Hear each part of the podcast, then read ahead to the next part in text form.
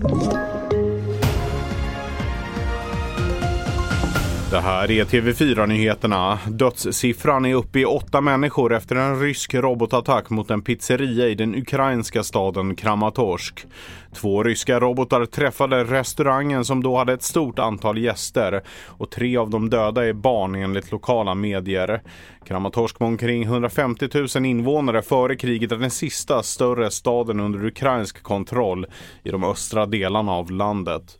Efter Fotbollskanalen och Göteborgspostens granskning om den så kallade Snapchat-agenten där flera spelare berättat att agenten bland annat krävt så kallade dickpics i utbyte mot övergångar kommer nu reaktioner från bland annat Svante Samuelsson, sportchef på Svensk Elitfotboll. Till att börja med så tyckte jag det kom som en stor överraskning. Jag har jobbat med, med elitfotboll i många år men aldrig varit med om något liknande i, i just den här delen av branschen. Då, så, så, eh, samt känner man ju stor bedrövelse för de som har blivit drabbade naturligtvis.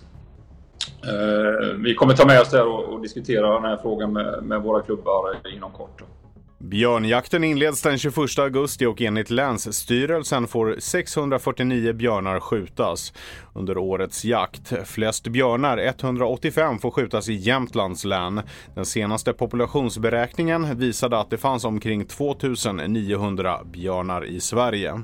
Mer nyheter hittar du på tv4.se.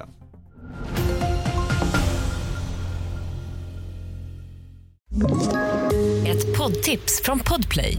I fallen jag aldrig glömmer djupdyker Hasse Aro i arbetet bakom några av Sveriges mest uppseendeväckande brottsutredningar.